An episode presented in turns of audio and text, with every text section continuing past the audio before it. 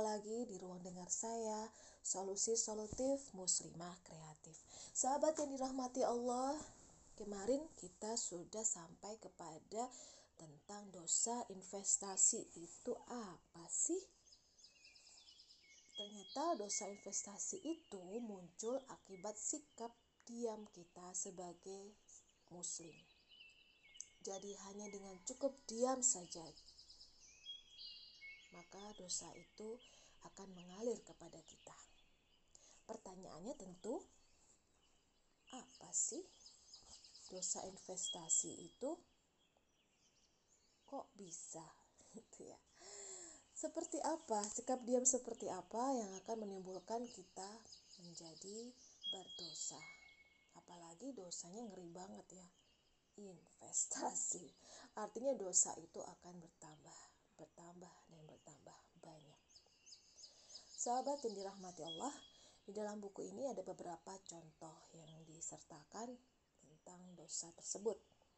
Salah satu contoh sederhana yaitu pengurusan jenazah. Jika ada seorang muslim yang meninggal dunia, kemudian keluarganya yang muslim tidak mau mengurus jenazahnya, artinya mereka semua hanya diam saja. Pertanyaannya sahabat, siapa yang akan berdosa? Tentu kita akan menjawab kan? Keluarganya. Keluarganya yang tentu akan berdosa. Oke, jika jenazah itu dibiarkan selama tiga hari, bagaimana dengan dosa tersebut? Ternyata sahabat, dosa itu akan mengalir selama tiga hari. Seandainya jenazah itu dibiarkan selama satu minggu, selama satu bulan, selama satu tahun, bagaimana? Ternyata sahabat, dosa itu juga akan mengalir selama satu tahun kepada anggota keluarganya yang muslim. Dan begitu seterusnya sampai jenazah itu diurus dengan sempurna. Pertanyaan kemudian sahabat, seandainya ternyata keluarganya itu tidak mau mengurusi jenazah tersebut, tetap diam saja. Lantas, apakah hanya mereka saja yang berdosa? Ternyata jawabannya tidak. Dosanya ternyata akan meluas dan ditanggung oleh penduduk satu kampung yang muslim. Loh, kok bisa? Kenapa? Ya, karena penduduk kampungnya muslim tersebut hanya diam. Sahabat pertanyaan berikutnya. Apakah yang berdosa hanya penduduk satu kampung? Tidak, sahabat. Ternyata dosa itu akan meluas dan ditanggung oleh penduduk satu kota. Kenapa? Karena penduduk kota tersebut hanya diam. Dan berikutnya, apakah yang berdosa hanya penduduk satu kota? Tidak. Dosanya akan meluas dan ditanggung oleh penduduk satu provinsi yang muslim. Mengapa? Karena mereka juga hanya diam. Dan berikutnya, apakah yang berdosa hanya penduduk satu provinsi? Jawabannya juga tidak, sahabat dosanya juga akan meluas dan ditanggung oleh penduduk satu provinsi. Bahkan sebenarnya dosa ini juga ditanggung oleh satu negara dan seluruh dunia yang muslim. Jadi hanya dengan tidak mengurusi jenazah, mendiamkan saja, bukan hanya keluarganya yang berdosa, tetapi ternyata dosa itu meluas kepada setiap Muslim di dunia. Kita menanggung dosa tersebut. Mengapa? apa? Karena kaum muslimin di seluruh dunia tersebut hanya diam. Sahabat tentu akan bertanya-tanya, mengapa bisa seperti itu? Mengapa? Kita aja nggak kenal gitu ya.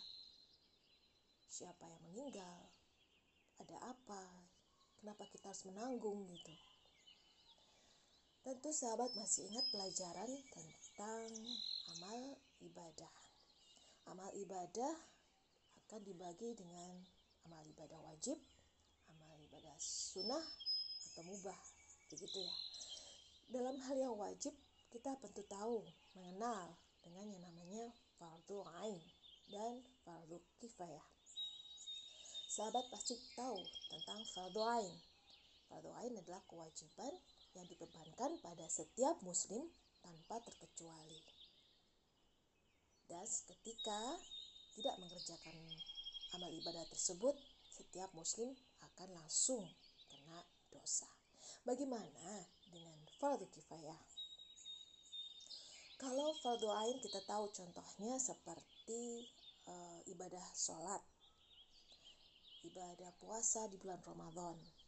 Maka fardu kifayah apakah itu? Fardu kifayah adalah amal atau e, kewajiban yang dibebankan kepada seluruh umat manusia. Tetapi bedanya ketika ada sebagian orang saja yang mengamalkannya, maka kewajiban orang lain itu gugur. Artinya tidak ada dosa bagi mereka karena sudah dilaksanakan dengan sempurna walaupun hanya dengan sebagian kecil orang saja yang melakukannya. Salah satu contohnya adalah yang tadi pengurus jenazah. Jadi, sahabat mengurus jenazah adalah termasuk fardu kifayah, kewajiban fardu kifayah. Jika kita tidak melaksanakannya, kita hanya diam saja, maka dosa itu akan mengalir kepada bukan hanya kepada anggota keluarganya saja, tetapi kepada seluruh umat muslim di dunia. Sehingga kesimpulannya dari contoh yang pertama ini kita bisa memahami sahabat apa itu yang dimaksud dengan dosa investasi. Yaitu dosa kifayah atau dosa yang timbul karena fardu kifayah yang tidak diamalkan oleh kaum muslimin dan dosa itu akan mengalir terus-menerus kepada seluruh umat muslim di dunia jika tidak dilaksanakan. Oke. Sahabat, masih ada contoh yang berikutnya. Yang ini e, lebih serem lagi dan mengguncang saya, betul-betul membuat saya merasa e, membuka cakrawala baru tentang dosa-dosa yang selama ini kita mungkin tidak sadari. Sahabat saya ingin menceritakan tentang keadaan yang saya alami ketika saya membaca buku ini. Uh, bisa jadi kita mungkin merasa bahwa di dunia kita sudah melakukan banyak sekali amal ibadah. Kita sudah uh, yakin bahwa kita berusaha dengan benar, kita tidak akan uh, melalaikan kewajiban-kewajiban kita terutama untuk yang fardu ain kita sholat lima waktu kita juga tambahin sunnahnya kita juga uh, berpuasa Ramadan kita berpuasa yang sunnah kita beramal kita berzakat dan banyak hal lain. Bahkan mungkin dari kita sudah ada yang pergi haji atau umroh. Kita berharap bahwa segala sesuatu amal perbuatan yang kita lakukan itu akan mendapat balasan yang terbaik sehingga kita akan melepas dari siksa neraka. Walaupun hanya sedikit saja mencicipi kita berharap kita tidak akan pernah mencicipi neraka. Mungkin kita merasa adem ayem sahabat.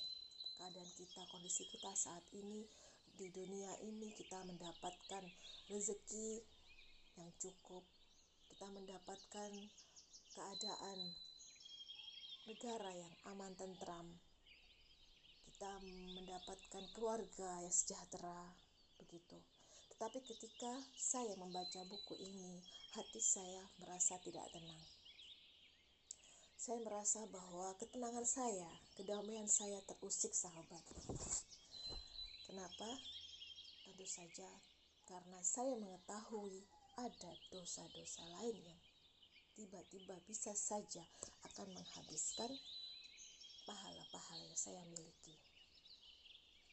Sahabat, saya akan membahas untuk uh, yang berikutnya yaitu dosa investasi yang timbul akibat perzinaan.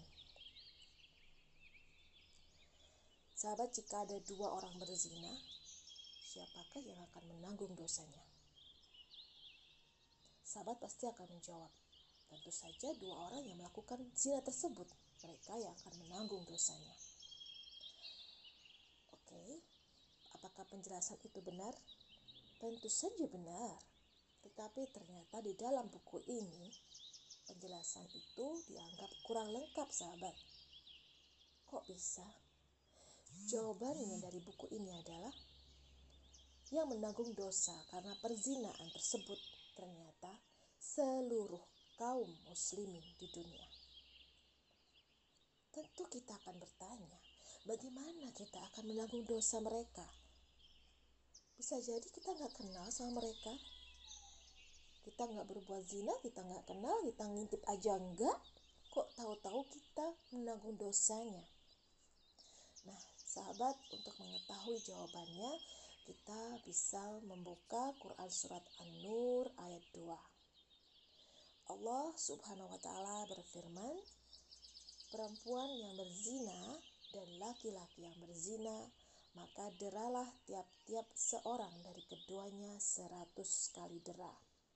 Dan janganlah belas kasihan kepada keduanya mencegah kamu untuk menjalankan agama Allah jika kamu beriman kepada Allah dan hari akhirat. Dan hendaklah pelaksanaan hukuman mereka disaksikan oleh sekumpulan dari orang-orang yang beriman. Pertanyaannya pasti dari mana kita mengetahui dari Quran surat An-Nur ini tentang dosa yang harus ditanggung oleh seluruh kaum muslimin? Sahabat tentu kepo. Saya juga kepo sahabat ketika membaca.